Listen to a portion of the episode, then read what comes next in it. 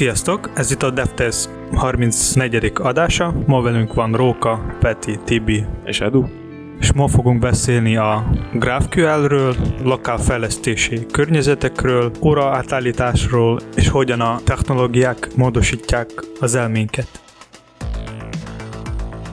Tökre örülünk, hogy egyre többen és többen hallgattuk, és az egyik hallgatónk küldött néhány kérdést, e- ezekből a pár kérdésből már csipegettünk előző adásban is, és akkor most vennénk elő a az egyiket, ez pedig a GraphQL-lel kapcsolatos. Az volt a kérdés, hogy mit gondolunk a GraphQL technológiáról, felválthatja-e a REST a jövőben? Milyen előnyei, hátrányai vannak azzal szemben? Utána néztem először, hogy mi is ez a technológia. Ez gyakorlatilag egy JavaScript JSON séma leírást tud adni a frontend kliensek számára, amiben különböző queryket és különböző úgynevezett mutációkat tudunk definiálni, illetve van még olyan is benne, hogy subscription, azt nem tudom, hogy most feliratkozásoknak fordítsuk mondjuk. Ez gyakorlatilag egyszerűen és röviden összefoglalva a query az minden olyan kérés, amivel adatot kérsz le a backendről, a mutáció az mondjuk a postnak, putnak, meg patchnek megfelelő, meg delete-nek megfelelő működést hajt végre, tehát valami állapotváltozással jár. A subscription az pedig egy olyan dolog, hogy szó szerint feliratkozol valamilyen eseményre, ami, ami történik a backenden, ez, hát igen, és akkor gyakorlat, gyakorlatilag egy, egy darab endpointot definiál neked, amire posztolhatod a különböző, különböző queryket, mutációkat, és de na, na, na, de mire is jó ez az egész, vagy miért is jó ez? Én azt vettem észre, hogy igazából a legnagyobb előnye az az, hogyha van egy valami szabványos REST API, amiről lekérdezel adatokat, és ilyen adatkapcsolatok is vannak már a képben, akkor itt a kliens oldalon tudod szabályozni azt, hogy pontosan mekkora adathalmazt kap. Mondjuk most neked csak kettő property kell ugyanabból, az mondjuk felhasználóból, következő lekérésnél pedig már kellenek a felhasználózó tartozó, tudom én, könyvek, vagy valami Hello World példa. Egy másik propertinek a, egy másik property, vagy egy kapcsolaton keresztüli propertiknek egy részhalmaza, vagy valami. És miért ehhez pont kell a GraphQL? Miért ez nem lehet megoldani mondjuk sima REST API-vel? A sima REST API-val azért nem lehet, vagy hát azt nem tudod kényelmesen vagy kézenfekvő módon definiálni, vagy azt megoldani, hogy a kliens tudja megmondani a backendnek, hogy most csak mit adj vissza. Ahhoz minden egyes hívást le kellene előre egyeztetni, és le kellene előre gyártani REST hívásként, meg REST endpointként a backendre, hogy azt vissza tudja adni. Hát szerintem nem, mert tudsz a REST tudsz adni egy, tehát hogy megkérni egy query, vagy nem tudom, valami query objectet, és azon leírni, hogy mit szeretnéd, és milyen, milyen fajta adatra van szükséged. Tehát miért nem lehetne így megcsinálni? Hát pont így működik. Így működik, csak ugye azt ahelyett, hogy te kézzel implementálnád azt, hogy akkor ő kiválogatja neked, ahelyett gyakorlatilag úgy tudod használni, hogy behúzol egy libet, és megcsinálja De. helyetted, mert egyszer elég ezt lefejleszteni. De a háttérben behúzod a graphql neked minden egyes queryhez amúgy is kell adatbázisból lekérdezni az adatot, tehát úgyis van a kézi munka. Mekkora meló egy ö, bonyolultabb lekérdezés? Ugye korábban beszéltünk itt egy pár szót erről, mutattam neked egy közepesen bonyolult táblaszerkezetet, abba belerakni valamit, az milyen macera? Megnéztem körülbelül kettő vagy három ilyen Java, Spring környékére legyártott ilyen apikat, vagy uh, micsodákat, függőség, dependenciket, függőségeket, amik a GraphQL-t szeretnék implementálni, és valójában én azt vettem észre, hogy azt az üzleti logikát, ami kiválogatja DB-ből, vagy bármilyen más backend rendszerről, szópon, akár honnan azokat az adatokat, és összeszedi neked, amire szükséged van, hogy visszaad a legbővebb adathalmazát ennek a egy adott ilyen lekérdezésnek, azt amúgy is meg kell írnod. Tehát azt nem tudod elkerülni, hogy azt megírd. Tehát a sima CRUD-ról beszélünk. Igen. És azt már a legtöbb framework így de facto szabványként alapból odadja. Igen. Viszont amit mutattam neked, az a pár lekérdezés, az, az egy kicsit más jellegű volt, tehát nem olyan krád, hogy két táblát összekapcsolni, hanem egy kicsit bonyolultabb volt ennél. Az ugyanúgy megmarad. Tehát az nem, nem tud előállni. Igen, tehát tegyük fel, hogy írsz egy olyan egy egyedi query azt valahogy megírod ugye Jávával, ennek megvan a módja, és akkor azt, tehát azt az SQL-t, amit oda hozzá kell neked tenni, azt ugyanúgy meg kell írnod, azt nem tudod megkerülni sehogy. Tehát akkor fejlesztői oldalról... Tehát lehet, hogy meg lehetne kerülni úgy, hogy a kliens küldi be az SQL scriptet, de annak meg semmi értelme. Igen, volt már ilyen oldal néhány, az nem annyira vicces. De hogyha jól értem, akkor szerver oldali fejlesztési időben annyit nem spórol, sőt. Szerintem nem spórol. Pont ugyanannyi. Nem spórol, legjobb esetben ugyanannyi, vagy egy nagyon elhanyagolható mennyiségű fejlesztést igényel, mert én, hát én találtam egy olyan livet, amivel gyakorlatilag egy, egy annotációval lehet kiajánlani egy megvalósított ö, szervizt, vagy egy repozitori lekérdezést is közvetlenül, és de azt meg kell írni. Tehát azt nem, azt nem tudod megspórolni magadnak, hogy azt az üzleti logikát azt te kitaláld és megírd, mert nem tud helyetted gondolkozni semmi. Meg... Tehát a sima resztes apihoz képest gyakorlatilag egy sornyi plusz kóddal lehet erre felkészülni. Hát gyakorlatilag igen. A többi az a ilyen szokásos boilerplate kód, ami, amit jobb framework szerintem azok ki eltakarnak előled, és akkor úgy neked azzal nem kell foglalkozni alapértelmezetten, csak hogyha valamit személyre kell szabni az alkalmazásban. Akkor. Gyakorlatilag annyi a nagy előnye a dolognak, hogy kisebb adatforgalmat lehet ezzel generálni. Szerintem ez a legnagyobb előnye, igen, hogy, hogy ezt tudod szabályozni, hogy éppen kevesebb kell, akkor kevesebbet kér. És miért ez, ehhez pont kell a GraphQL? Tehát engem ez, ez a kérdés inkább zavar, tehát hogy miért nem lehetne sima resztel ez megoldani? Tehát értem, hogy vannak szabályok, best practices de attól még van lehetőség megcsinálni, ahogy a fejlesztők szeretnének. Amúgy is a GraphQL ez REST alapú, tehát hogy azon... Igen, ez valójában REST-en kommunikál, vagy REST interfészen keresztül kommunikál, és inkább csak egy lekérdező nyelv leírást ad. Tehát ez a GraphQL önmagában csak azt mondja, hogy így is lehet csinálni, és akkor csináljátok így, és az erre jó, erre pluszra jó, hogy pontosan csak azt tudod lekérdezni, amire szükséged van, és nem többet. Hogyha minden igaz, akkor a REST az csak annyit mond, hogy használd ki a HTTP-t teljes egészében, tehát ne szorítkozzál csak a get meg a posztra, meg formokat posztoljál be, hanem használd az összes HTTP igét, és használd ki rendesen. Ezzel lesz, hogy korábbi adásban is volt már erről szó, ezzel lesz egy kicsit szemantikusabb a REST-APID. Igen, hogyha ezt nézzük, akkor ezt viszont a GraphQL ezt eldobja, mert ott posztolsz mindig. És nem igen, igen, igen. Tehát a GraphQL az a REST API-nak egy, egy szűkebb részének tekinthető, ahol definiálsz egy REST végpontot, és arra utaztatott ö, posztadattal szabályzott, hogy mit kapsz vissza. Jó, csak de ugyanúgy tudsz csinálni, használni ezt a restnek a szőkébb részét, viszont a GraphQL neked be kell húzni még egy plusz libet, vagy nem tudom hány. Például ha Node-ról beszélünk, akkor egy vagy kettő be kell húzni. Ezt implementálhatnád minden egyes alkalommal, csak az meg akkor a overwork lenne, hogy semmi értelme. Tehát, hogy ezt meg tudod valósítani te is, hogyha nagyon szeretnéd, hogy kézzel leválogatod az objektet és visszaadsz valamit, csak akkor de mi, a, mire jó az? de a GraphQL-ben amúgy is minden, ahogy mondtad, hogy minden queryhez meg kell csinálni, vagy SQL lekérdezés, vagy MongoDB-ről, tök mindegy, hogy melyik adatbázisból, de minden egyes queryhez ez meg kell csinálni. Tehát a resten is ugyanúgy. Azt nyered vele tényleg, hogy csak azt kérdezed le, amire szükséged van, és hogy nem kapsz meg több adatot belőle. Akkor is, hogyha bonyolult, nagy, széles adatszerkezeteket, széles táblákat, sok, sok uh, attribútumos táblákat kell összejoinolnod, és úgy van megírva a query, hogy, hogy nincsenek ezek projekcióval leszűrve csak azokra a mezőkre, amik neked kellenek, és visszakapnád az egész adathalmaz, akkor te ezzel a GraphQL-el tudod kliens oldali fejlesztőként azt szabályozni, hogy neked most nem kell az egész, neked csak három mező kell, és nem kell 15. Viszont azért vannak olyan mezők, amiket szerver oldalt kell leszűrni. Mondjuk egy user táblából a jelszó mező, tipikusan ilyen. Tehát azért elég ciki lenne, hogy kliens akkor bekérdez, hogy légy a jelszót is add ide, és akkor odaadjuk. Nyilván erre vannak megoldások, szerint szerintem, hogyha szokásos, hogy JSON ignore felannotáljuk a mezőt, akkor az nem fog, vagy transienttel, vagy valamivel, hogy azt ne szedjük ki a DB-ből, akkor az működni fog. És mit akadályoz egy fejlesztőt megcsinálni egy ilyen REST végpont, ahol csak az, az az adat jön le, amire van szükség? Tehát, hogy miért ott lenne, miért ott jönne több? Ha jól értem, amit kérdezel, akkor azért, mert tehát így elég lefejlesztened a backend fejlesztőként azt az egy darab apit, amin az összes adatot le tudja kérdezni a frontend, és majd ő eldönti, hogy egy helyen csak két dolog kell neki belőle, egy másik helyen meg három dolog kell, és akkor ő tudja szabályozni, és nem kell mind a, mindegyikre a backend fejlesztőt megkérned, hogy fejleszten neked egy külön apit. Vagy ha te vagy a full stack fejlesztő vagy, akkor magadnak spórolsz időt azzal, hogy van egy egységes GraphQL-es endpointod, és akkor ott majd, amikor a frontendet fejleszted, akkor ott kevesebbet. Tehát, hogyha üzlet kitalál hirtelen két, két-három új táblát, akkor azt így is úgy is bele kell fejleszteni. Ezt beszéltük az előbb is, hogy gyakorlatilag sokkal több idő nem lesz a fejlesztés, gyakorlatilag egy, egy kódsorral több maga a fejlesztés, mint hogyha apit használnánk, viszont az átküldött adatmennyiségben lehet spórolni, amikor a kliens lekéri az adatot, akkor nem minden adatot kap meg, hanem csak ténylegesen annyit, amennyire szüksége van.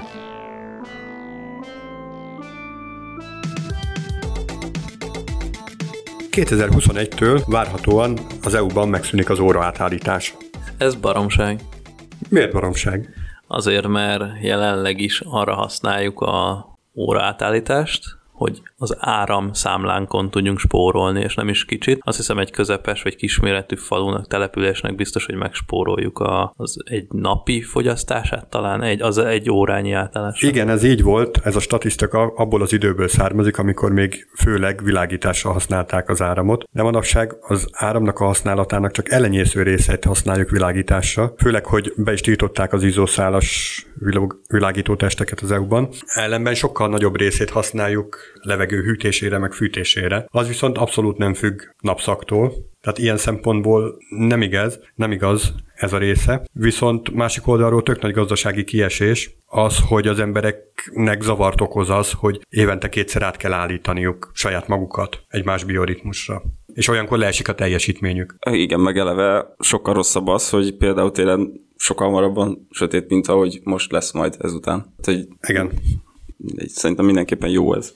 Viszont belegondoltok, mekkora meló lesz ez majd számítástechnikába? Ugye az összes nyelv, összes rendszer az implementálja a D-típust, amiben ott van az összes európai ország, ahol is ekkor és akkor átállítódik a dátum, és ez megszűnik. De ez attól lesz még érdekes, hogy mindegyik EU-s ország választhat, és majd amikor tőzsdén kell bármit elintézni, ide-oda küldeni pénzt, az egyik helyen már bezárt, a másik akkor még nem zárt be. Ez most is így van. Én. Tehát egy, egy Japán meg egy New Yorki tőzsde igen, között. Igen, egy akkora között ott van is ennek talán létjogosultsága, de egymás mellett lévő országoknál, ami mondjuk egy Ausztria meg egy, itt tudom, és Csehország, ott ennek semmi értelme nem lesz, és nem véletlenül van most is mindenki ugyanabban az óra zében, kivéve az Egyesült Királyságot, mert egyébként nem, nem jó szerintem. És akkor az európai embereknek egy órával hosszabb lesz, vagy rövidebb az, a, az életük? Még arra akartam reagálni, hogy a emberi bioritmusnak szerintem ez az egy óra, ez aki nem tud egy óra átállást megcsinálni egy darab éjszaka alatt, az szerintem életképtelen, vagy nem tudom, tehát hogy ezt, ezt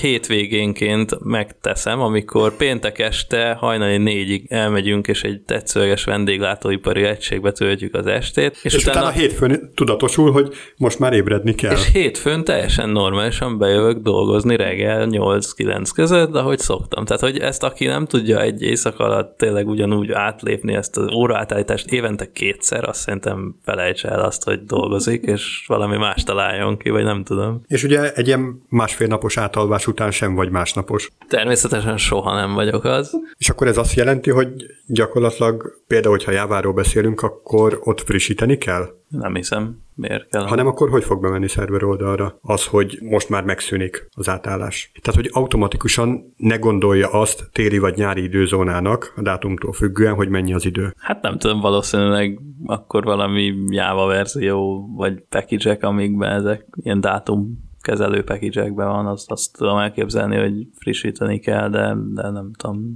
Mert utoljára az 1980-as években volt ilyen nagy európai átállás, hát akkor még nem volt ekkora probléma. Most viszont nagyon-nagyon digitális világban élünk, és tényleg nagyon sok eszköz igyekszik meg könnyíteni ezt a fajta átállást, és a legtöbbet már át sem kell állítani kézzel, hanem megtörténik automatikusan, anélkül, hogy akár internetre lenne kapcsolva. Amúgy, amúgy ha jól emlékszem, akkor az Oroszországban az már megtörtént, már régóta. És gondolom az Oroszország már régóta fel, fel van készülve erre a problémára, vagy legalábbis úgy minden szoftver frissült. Azt olvasom egy cikkben, hogy a 2017-re számított villamosenergia megtakarítás mértéke meghaladta a 80 gigawattórát. Arra most rákereshetünk, hogy az pontosan mennyi, vagy mennyi, az éves termelésünknek mekkora része, vagy a fogyasztásunknak mekkora része. 2017-ben az összes felhasználás az 45 ezer gigawattóra volt. Abból egy óraátállítással 80 gigawattórát megspórolni, szerintem azért elég jó. Mondjuk ezt hogy számolják ki, hogy mennyit spórolnak? Pénzben ez mennyit jelent, hogy mennyit spórolnak? Oké, oké, csak hogy árammennyiségben ezt hogy számolják ki, hogy annyit spórolnak. Mert ugye ez tényleg, amikor főleg világításra használták, akkor abszolút jogos volt, de most már főleg nem ezek a, az elektromos fogyasztóink. Ugyanúgy a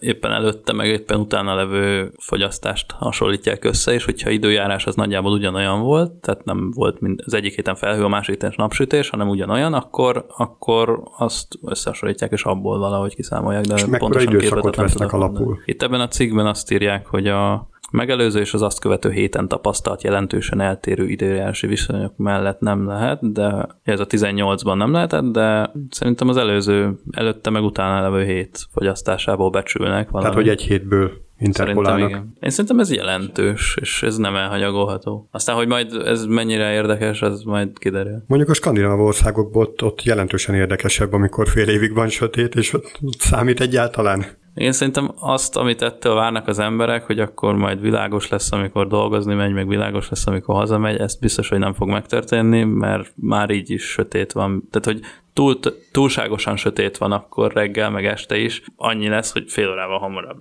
lesz, ért, mikor elin, tehát hogy attól még, hogy nem lesz ez az óra átállítás, attól még ugyanakkor fog sötétedni, és most az, hogy neki négy óra lesz, vagy öt óra lesz, nem látom, hogy ő hol nyer a délutáni órájában bárki, aki ennek örül napsütést, mert sehol nem fog. Hát a sötéttel biztos, hogy nem nyer, viszont hogyha a világosból nyersz egy kis időt, akkor több időt tudsz gyakorlatilag természetes fényben tölteni. De télen nem töltesz természetes fényben időt, mert egy irodában ülsz egész nap. Hát Egyrészt, másrészt reggel fél nyolckor már sötét van reggel, vagy fél nyolckor kell a nap télen, és mondjuk fél négy körül már nyugszik, vagy négy óra körül már biztos, hogy nyugszik. Tehát, hogy hol, melyik részén akarunk nyerni időt, amikor a busz megállóban állunk, hogy süsse az arcunkat egy picit a nap, vagy amikor hazafel állunk a busz megállóba. Vagy, tehát, hogy én nem az látom... átállítással sem nyerünk semmit, tehát se pro, se kontra.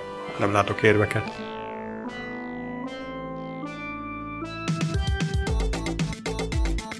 Mit gondoltok?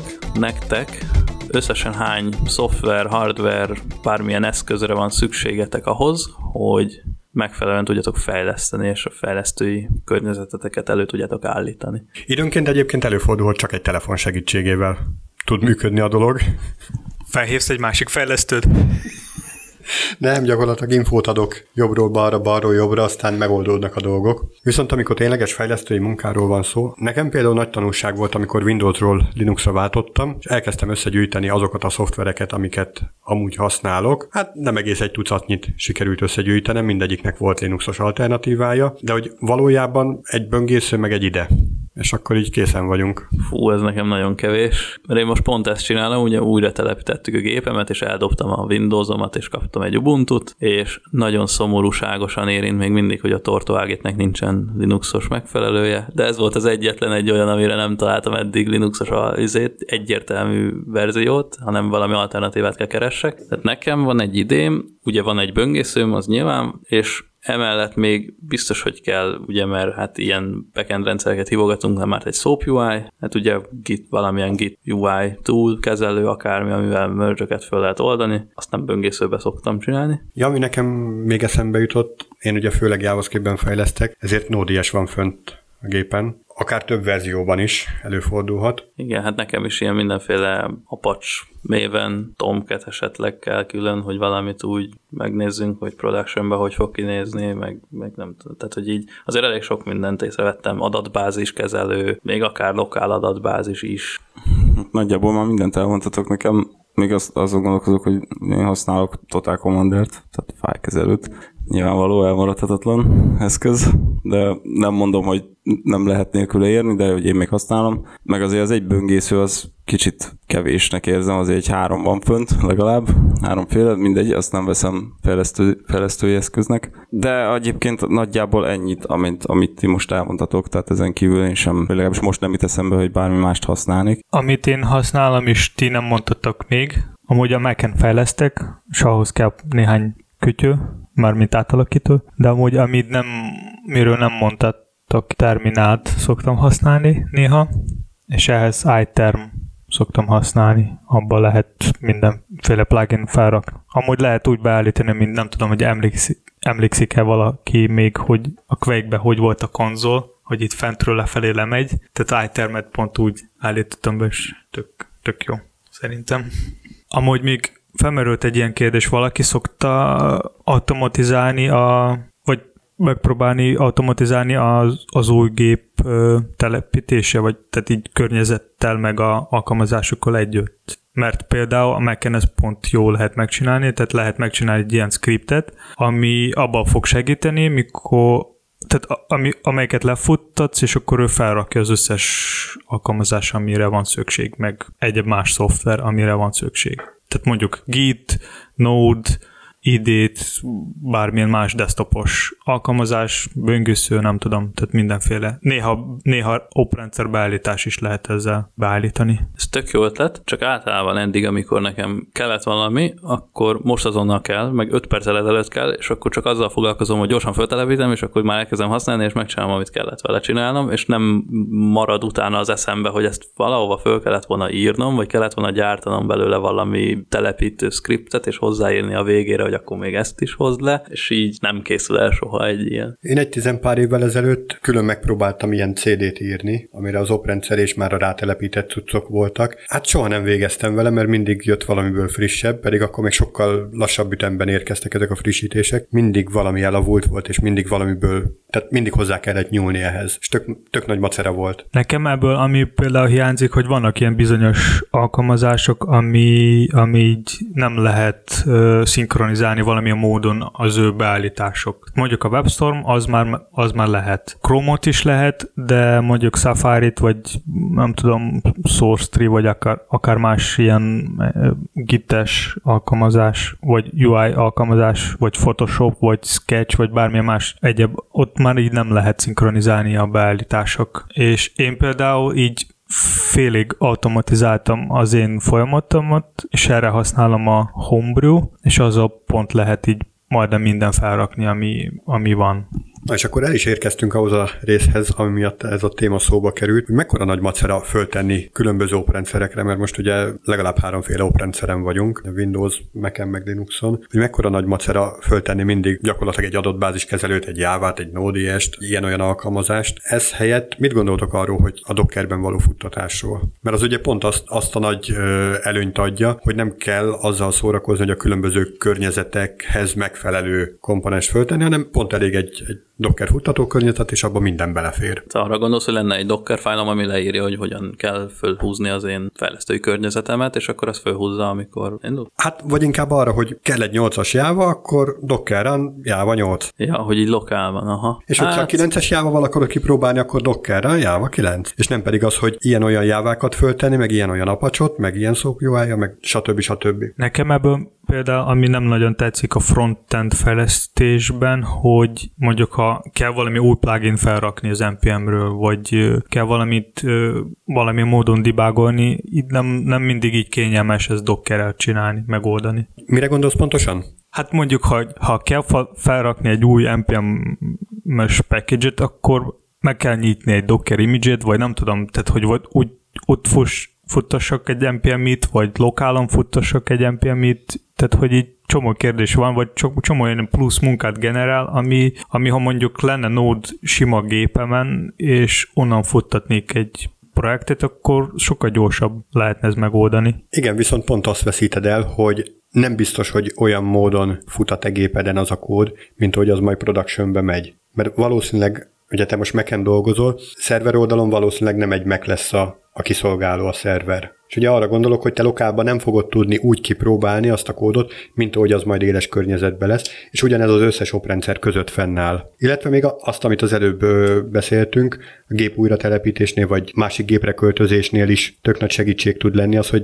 nem így egyesével vagy valamilyen automatizált eszközzel kell föltelepítgetni ezeket a szoftvereket, akár régi elavult verziót, hanem van rá egy tök jó konténerizált környezet, ami ezt megsegíti. Hát abból a szempontból, hogy mondjuk egy adatbázis, vagy akár nem tudom, Node vagy Java kell bekonfigurálni egy gépen, tehát ebből a szempontból a Docker ez nagy segítség. Mert én is több, többször azzal találkoztam, amikor még nem volt a Docker, és kellett nekem mondjuk egy más kell beállítani a gépem, csomószer volt valami probléma, és így nem tudtam, hogy mi a hiba a gépemem, és mindig kellett valahogy kikeresni valamilyen dolgot, vagy, vagy kitörölni és újra telepíteni, vagy akár újra telepíteni az egész oprendszeret is, pont emiatt. De most ugye előbb egyébként fejlesztői eszközökről beszéltünk, tehát hogy ide, meg ilyesmi, de most egy idét nem fog például a Docker helyettesíteni. Hát az idét az persze, hogy nem, és pont ezért tud nekem ilyen kevés lenni az a szoftver, amit, amit telepítenem kell. És a, we- és a webes ID használni, mondjuk a Dockerből ez elindul, Jogos.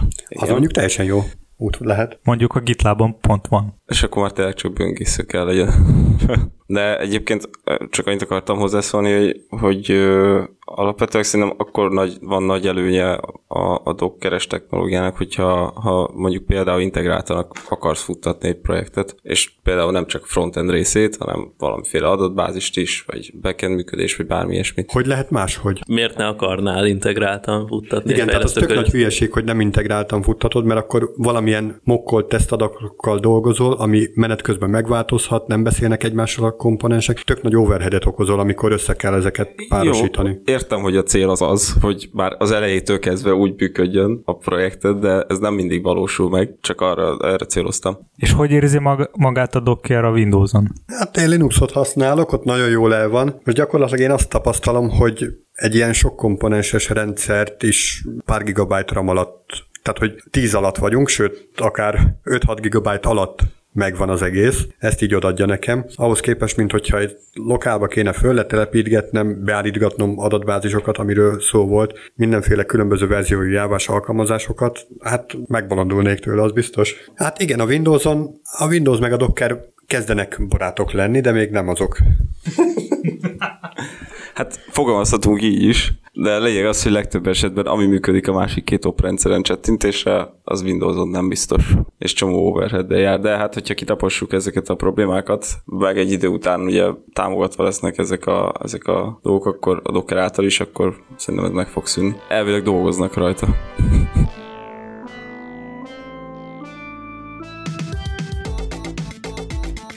Képzeljétek, végre hivatalos honlapja lett a JavaScriptnek, immár sok év után. Hát egyelőre annyit lehet róla tudni, hogy várják a visszajelzéseket. Így első ránézése kevésbé hasznosnak tűnik, mint az MDN, ugye a Mozilla Development Network. Kevés olyan hasznos információ van, hogy hogyan is működik a JavaScript, inkább arról szól, hogy hogyan fejlesztenek ők a JavaScripten. A honlapjuk natív JavaScriptben fut? Ez egy GitHubos oldal, tehát elég minimál az, amit ott rajta tartanak. Na gyorsan meg is néztem a honlapon. Hát egy ilyen nagyon szép kézimunkás JavaScript fájlokat tartalmazó oldalról van szó, de alig, alig száz sornyi JavaScriptet tartalmaz ez az oldal, plusz még egy libet húznak be a kódnak a szintaxis kiemeléséhez. Szóval nagyon minimál az, amit használnak. Ami érdekesség, hogy ezen a szintaxis kiemelő liben kívül semmilyen más framework nem használnak. Nem is olyan komplexitású ez az oldal. Igen, viszont hogyha megnézel, hogyha nagyon hype irányba megyünk, akkor még a legegyszerűbb statikus szöveget tartalmazó honlaphoz is akkora böszme, tehát több megabyte méretű JavaScript szokott lejönni. Hát itt nem ez a helyzet. Egyébként a, ugye ez a TC39-ről van szó, ez a nevük, akik fejlesztik. A Igen, ez a munkacsoport, akik a JavaScript hivatalos ajánlásokat teszik közzé. Ez minek a rövidítése? Technical Committee 39. 39 az az átlag életkor? Gondolom, mert semmi más nem találok róla. Másik érdekesség, hogy a GitHub megszünteti az Internet Explorer támogatottságát. Vagy legalábbis kiírták az oldalukra, hogy innentől kezdve nem, nem fogják szapportálni. Igen, igazából ugyanazt elmondtam, hogy te csak másképp. De a lényeg az, hogy az új feature-öket már úgy fejlesztik, hogy nem veszik figyelembe az ilyet 11-et például. Hú, de kár, mert pont felraktam a Windows a virtuális gépre, és gondoltam, hogy Explorerból most már fogom használni a GitHubot.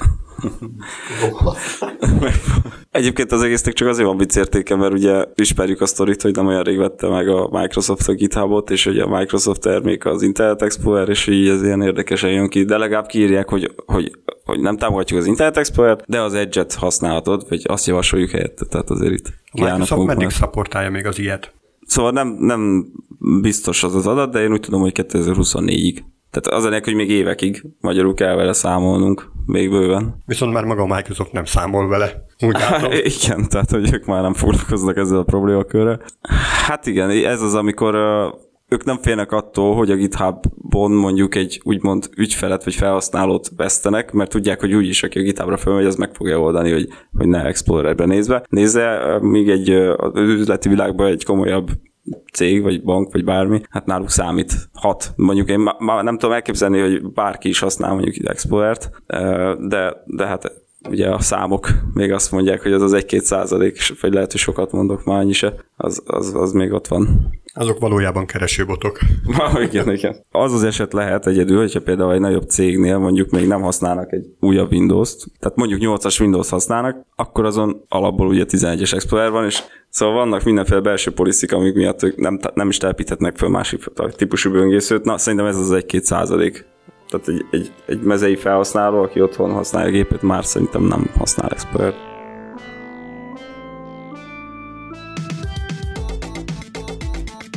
Mit szóltok ahhoz, hogy az Alibaba is ad ki Java verziót? Peti? Ugye csak arról szól, hogy ö, nem akarnak az Oracle-nek a licensz politikájába belemenni, és saját fejlesztéseket is tesznek bele. E, igazából ami felmerül ezzel kapcsolatban kérdés, hogy abba a binárisba mi van pontosan benne?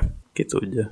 És ki fogja ezt használni az Open helyett, azt nem tudom. Tehát, hogy én nem hiszem, hogy bárki értelmes ezt így elfogja. Tehát a, Hát, hogyha gyorsabban, ha, ha, van ha gyorsabban Open, fejlődik, ez, akkor ha gyorsabban hiszem. fejlődik, és több olyan dolog van benne, ami neked szimpatikus, akkor miért ne használnád? Mert két hónap múlva le lesz nyúlva az Openbe ugyanaz a funkció azért, mert valaki meg fogja csinálni.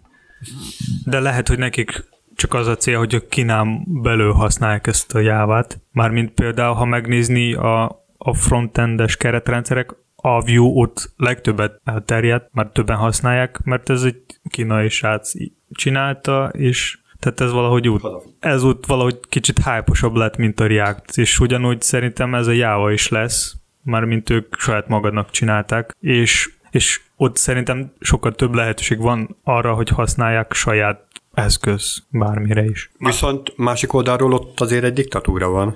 Tehát én inkább attól tartok, hogy egy-egy ilyen binárisba, vagy akár a Vue-nak a kódjába, oké, hogy open source, de hogy mégis a minifájolt kódba senki sem szokta visszafejteni és összevetni az eredeti forrással. Tehát, hogy ténylegesen abba a binárisba vagy minifájolt kódba milyen csúnyaság van eldugva, ami a diktatúrát szolgálja, de egyébként épp elmélyű ember nem akarná ezt használni. Hát ez nagy kockázat. Erről mit gondolt? Igazából maga Kínába csomó szolgáltatást tiltott most is, tehát ez nem titok senkinek.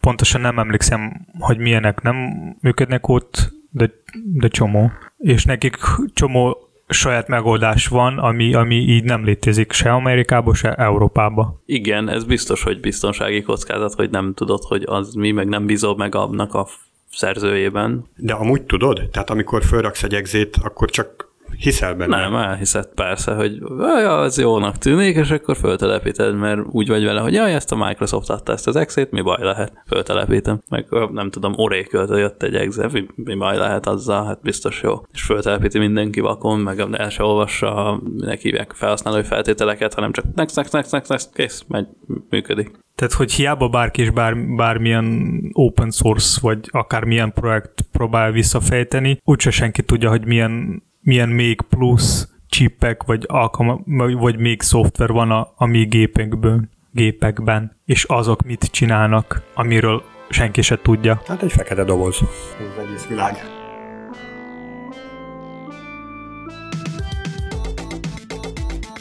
Én még egy olyan témát hoztam a végére, hogy milyen hatása van a mai internetnek a mi elménkre. És igazából csomó ember azt gondolja, hogy az internet az tele szabadsága, és ö, a felhasználók azt tudnak csinálni, amit akarnak, viszont közben nekünk a szolgáltatások, mint Facebook, Twitter, valami nem tudom, vagy más egyéb híroldal, ők igazából diktálnak a felhasználónak, hogy mit nekik kell csinálni, vagy inspirálják ők valamilyen módon több időt maradni ezeken a helyeken. Ti erről mit gondol, gondoljátok? De ez nem csak az internet világában van meg, tehát hogy így, ha bekapcsolod a tévét és nézed a tévét, ott is ugyanezt történik. Igen, csak Vagy most... bemész a, a, vagy a plázába, és akarsz venni egy ruhát, ott is gyakorlatilag a boltok dik- diktálják a legtöbb embernek, hogy ők most éppen mi a felhozat, amiből választhatsz. Nyilván más helyeken is hasonló szituáció van, csak most így kicsit internetről akartam beszélni, mert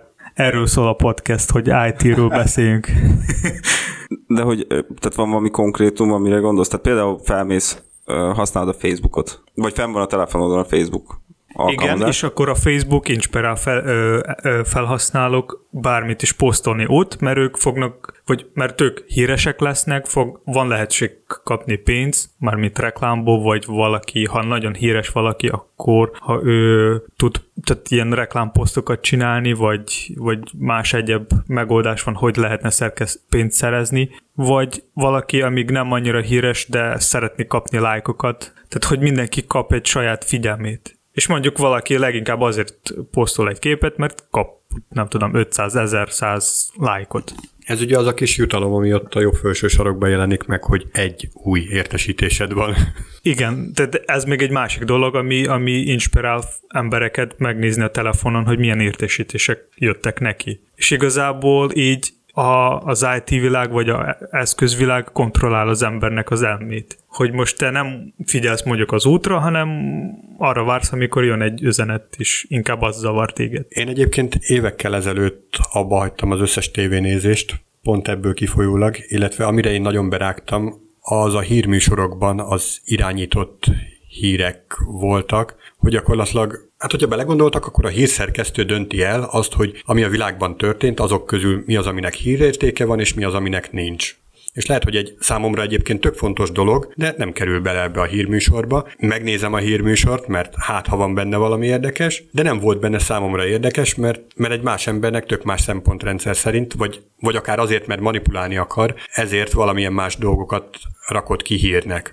És erre én borzalmasan berágtam, és inkább hagyom is az egészet a fenébe. Hát a, a, vagy agyatlanul nem érdemes nézni, tehát akit ez bármilyen módon érdekel, vagy izgat, az válogassa meg, hogy milyen műsort néz, ugyanúgy, mint hogy megválogatod, hogy milyen honlapokat nézem, milyen honnan ért, milyen De honlapokra nem tudsz válogatni, nem tudsz válogatni, De mert nem? mindenhol egy hírszerkesztőnek a saját beállítottsága, a saját érdeklődési köre lesz hát, ott kivetítve. Értem, de vannak független hírszerkesztők, vannak politikai irányokhoz tartozó hírszerkesztők. Vannak olyan hírszerkesztők, akik nem is foglalkoznak semmiféle, tehát ilyen specifikus témával foglalkoznak, csak te mondjuk csak természettel kapcsolatos híreket fogsz látni. Na, akkor egy konkrét példát mondanék. Mondjuk Európa közepén meghal három ember azonnal hírértéke van a dolognak. Ugyanez Afrika közepén megtörténik, csak 300 ember hal meg, semmi hírértéke nincs már a dolognak, és évente egyszer bekerül valami Afrikával foglalkozó hírműsorba. Egyszer. Holott ott napi szinten ez történik. Annyira eltorzult az egész, hogy mi az, aminek hírértéke van, és mi az, aminek nincs, ami itt teljesen engem demotivál abból a szempontból, hogy nézzem ezeket vagy hogy bármilyen ilyen hírt fogyasszak, és itt gondolok például az internetes hírszolgáltatókra. De akkor nem az zavar, tehát, mert te tudod, hogy ez, az, az valószínűleg egy mögöttes szándékos irányított dolog, de inkább az a zavaró akkor ebben, hogy, hogy olyan embereket tud befolyásolni, akik nem gondolnak ezek a dolgok mögé, hanem ténylegesen tényként fogják föl, hogy ami ott van, na az történik csak a világban. A, a legbosszantóbb az egészben az, hogy tényleg van valóság alapja, mert tényleg meghalt Európa közepén három ember adott esetben. Viszont mellette volt egy sokkal nagyobb baj, de arról nem beszél senki. Ez az egyik része. A másik része az internetes újságírás, ahogy én észreveszem, az gyakorlatilag így a mélypontja felé közelít. Most a legalapvetőbb dolgot, a helyesírást veszem alapul. Nevetséges, amit művelnek. Tényleg egy ötödikes gyerek az jobban ír helyesen, mint az itteni újságírók. Most a magyarokra gondolok, az angolt azt annyira nem tudom ellenőrizni ahhoz nem jó az angolságom.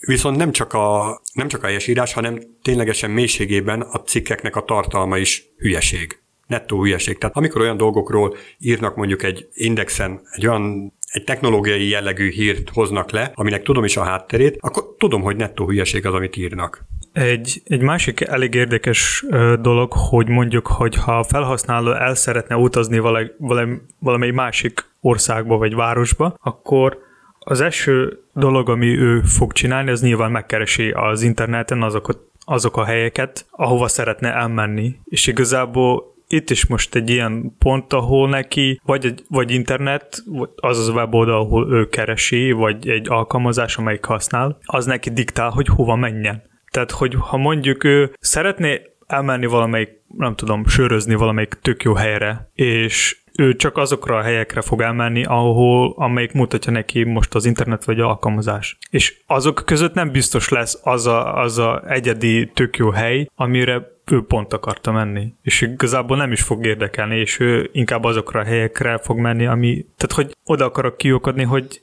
leginkább eszköz diktál neki, hogy hova menni, és az, hogy ott van 10 vagy 20 lehetőség, az igazából nem szabadság, az már leírt 20 hely vagy 10. De ez, szerintem ez majdnem ugyanaz az eset, mint amit előbb Róka mondott, csak, csak a hírekkel kapcsolatban. Tehát te most el akarsz utazni valahova, nyilván megnézed a, a, azokat a, a látványosságokat, vagy tehát keresel olyan oldalakat, amik leírják, hogy abban az országban mondjuk milyen látványos, vagy városban milyen látványosságok vannak. De ez nem azt jelenti, hogy ők diktálják, hogy te oda menj, csak leírják a fő dolgokat. De attól még, hogyha te úgy keresel, hogy milyen eldugott látványosságok vannak, az, az már egy, egy szinten lejjebb van, és, és, és azok lehet, hogy nem ezek a hype helyek, és ugyanúgy el tudsz oda is menni. Tehát meg kell válogatni ez, ez mindig rajtad el. Igen, ezt akarom kérdezni, hogy, hogy hon, kitől várod el azt, hogy téged hírekből úgy tájékoztasson, ahogy az neked jó, hogyha mondjuk nem fizetős forrásból akarsz tájékozódni, akkor egyáltalán milyen alapon tudod elvárni mástól. Másrészt meg ugyanerre a hova tudok elmenni szórakozni, ki, ki lesz az, aki oda teszi a saját hirdetését, mert gondolom a saját hirdetésedet teszed oda, nem pedig más teszi oda, hogy nézzétek, itt van egy jó hely. Na, ez a ingyenes híroldal, vagy nem ingyenes híroldal, tök jó ingyenes híroldalak lennének, hogyha nem lenne rajtuk reklám meg nem lenne mögöttük, akkor a szponzor. Ezt amúgy is letiltod a, a böngészetben a reklámot, én tudom jól. Van, aki nem tiltja le? Egyébként, ami viszont ténylegesen szerintem befolyásolja a felhasználókat, az két dolog lehet még. Az egyik az a, ha már a reklámnál tartunk, ugye ez a irányított reklámok kidobálása, tehát ha te valamire rákeresel, akkor az a kapcsolatos dolgokat fog kidobni, például a Facebook, vagy a Google, vagy ahol éppen jársz. Meg ugye, ha már Facebooknál tartunk, hogyha keresel valamilyen típusú tartalomra, akkor ahhoz hasonló hirdetéseket is fog kiadni. És így csomószor előfordult az, hogy mivel állandó az arcodba nyomja, hogy amúgy van egy ilyen, nem tudom, internetes online áruház, ahol tudsz venni dolgokat, azt folyamatosan látod, egy idő után le fog tölteni, és ténylegesen megveszed közben, te nem akartad volna. Ez már inkább szerintem egy ilyen hatás, ami ilyen tudat alatt így, így hat rád. És ami még így tud módosítani, hogyha tényleg maga a választás lehetőségét azt szűkíti be. Tehát mondjuk rákeresel, szeretnél számítógépet venni, és elét tár 20 féle számítógépet, azt hiszed, hogy tényleg ennyi van csak. És nem, nem fogja oda tenni, hogy ó, van egy 21 ami pont neked pont jó lenne, csak amúgy nem olyan népszerű, vagy, vagy valamiért, valamilyen algoritmus szerint ez nem, nem került bele. Ja, hát ez, ez megint csak rajtad áll, hogy tovább keresel -e, vagy megelégsz azzal, amit ő ajánlott. Tehát most neked elég az, hogy az árukereső kidobja a legjobb öt hűtőt, a legjobb, pontoz, legjobb ö, pontozású öt hűtőt, és akkor abból válogatsz, vagy még tovább nézed, és nézel amúgy 15-öt másik. De te azt feltételezed, hogy fönt lesz az összes? Hát ha úgy ordereltem, akkor igen. Ami nekem kell a legjobb pontozású ilyen fölül, oké, okay, ezek biztos jók, és akkor Oké, okay, most nem csak a sorrend, hanem hogy egyáltalán szerepel a listán az összes. Most én arra gondolom. Ja, ja, igen, a, tehát persze, tehát nem feltétlen. Lehet, hogy abban a fél évben az az öt volt a legnépszerűbb, de attól még fél, egy, mit tudom hét hónapja meg volt egy sokkal jobb, csak már az nincsen ilyen annyira felkapva. Van még egy másik dolog, ami szerintem érdekes lehet, ugye maga a Google és a, a Google-ben való keresés, hogy az mennyire tudja befolyásolni a, a, az embereket, tehát rákeresel valamire, és ugye a Google ott rangsorol, hogy milyen sorrendben adja ki neked arra a kifejezésre mondjuk a tartalmat, milyen sorrendben adja ki a oldalakat, és ugye ott is belejátszik a hirdetés, meg belejátszik az, hogy milyen népszerűségű az oldal, vagy mennyire jobban megcsinálva SEO szempontból. Na de ettől függetlenül nem feltétlen azok az oldalak a legjobbak például, vagy nem azokról az oldalakról tudsz a legjobban informálódni, amiket top részint kidobja a keresett találatoknak. És ez is szerintem tökre befolyásolhatja az embereket, mert fölül lehet, hogy nem is megfelelő tartalom van, csak valamiért fel lett kapva az az oldal, és sokan járnak oda. Még van egy eléggé jó példa az, hogy Például a Facebook, ha megnézzük a Facebookot, akkor ő azt csinálja, hogy ha a felhasználó szeretne találni valamilyen esemény a Facebookon, akkor a Facebookon nincs rá lehetőség, csak így egy kattintásra megtalálni ezt a eseményt. Tehát ahhoz neked meg kell csinálni plusz, nem tudom, pár lépés, hogy el, elérjed a saját céljed. És ez a pont a Facebook azt akarja csinálni, hogy a felhasználó majd maradjon az ők oldalon, amennyire lehet több időt. Mert több reklám fog látni, mert több minden más fog csinálni ott közben. És igazából nem csak egy Facebook egyedül így csinál, hanem csomó más ö, szolgáltatás vagy social network így, így szokták csinálni. Hát mint amikor felmész egy webáruházba, és például a főoldalról nem tudsz közvet, nem szoktak belinkelni közvetlenül termékoldalakat, hanem csak elosztó oldalakra tudsz eljutni, ahol további termékeket tudsz majd nézni, és onnan tudsz eljutni majd konkrét termékekhez. Hogyha, nyilván, hogyha beírod az URL-t, ami kell neked, az más, de ez is hasonló. Ez mind ilyen marketing értékű dolog, hogy hogy hassunk az emberi agyra. Mint például a tesco a legfontosabb te számodra termékek raknak nem a, nem a bolt elején, hanem valahova végére, és akkor te addig, amíg sétálsz, lehet, hogy fogsz találni még valami, és akkor lehet, hogy veszel még valami. Szóval összefoglalva szerintem eléggé fontos a téma, és mondjuk a, és a Google meg az Apple oldalról van valamilyen szinten próbálkozás, hogy ők bevezetni az iOS-on meg a Androidon egy olyan feature, ahol meg lehet nézni, hogy mennyi időt a felhasználó töltötte a bizonyos alkalmazásokban, ami mondjuk nekem iOS van, Androidon lehet, hogy van hasonló, de iOS-on az van, hogy minden héten jön egy értesítés a reportról, hogy milyen appot mennyit használtad. Tehát nyilván minden nap is meg lehet nézni, de ezzel lehet felmérni, hogy érdemes ennyi időt tölteni bizonyos alkalmazásokat, és ennyi időt használni egyáltalán a mobil, vagy bármi más eszköz. Szóval ilyenfajta kezdemény szerintem tud sok embernek segíteni. Legalábbis elkezdeni gondolkodni, hogy mivel, hogyan töltse a saját időt. Ennyi fér bele a mai podcastbe. Ha van valami kérdés vagy ötlet, akkor lehet nyugodtan nekünk írni Twitteren vagy Facebookon. Hallgassátok minket legközelebb is. Sziasztok! Sziasztok! Sziasztok!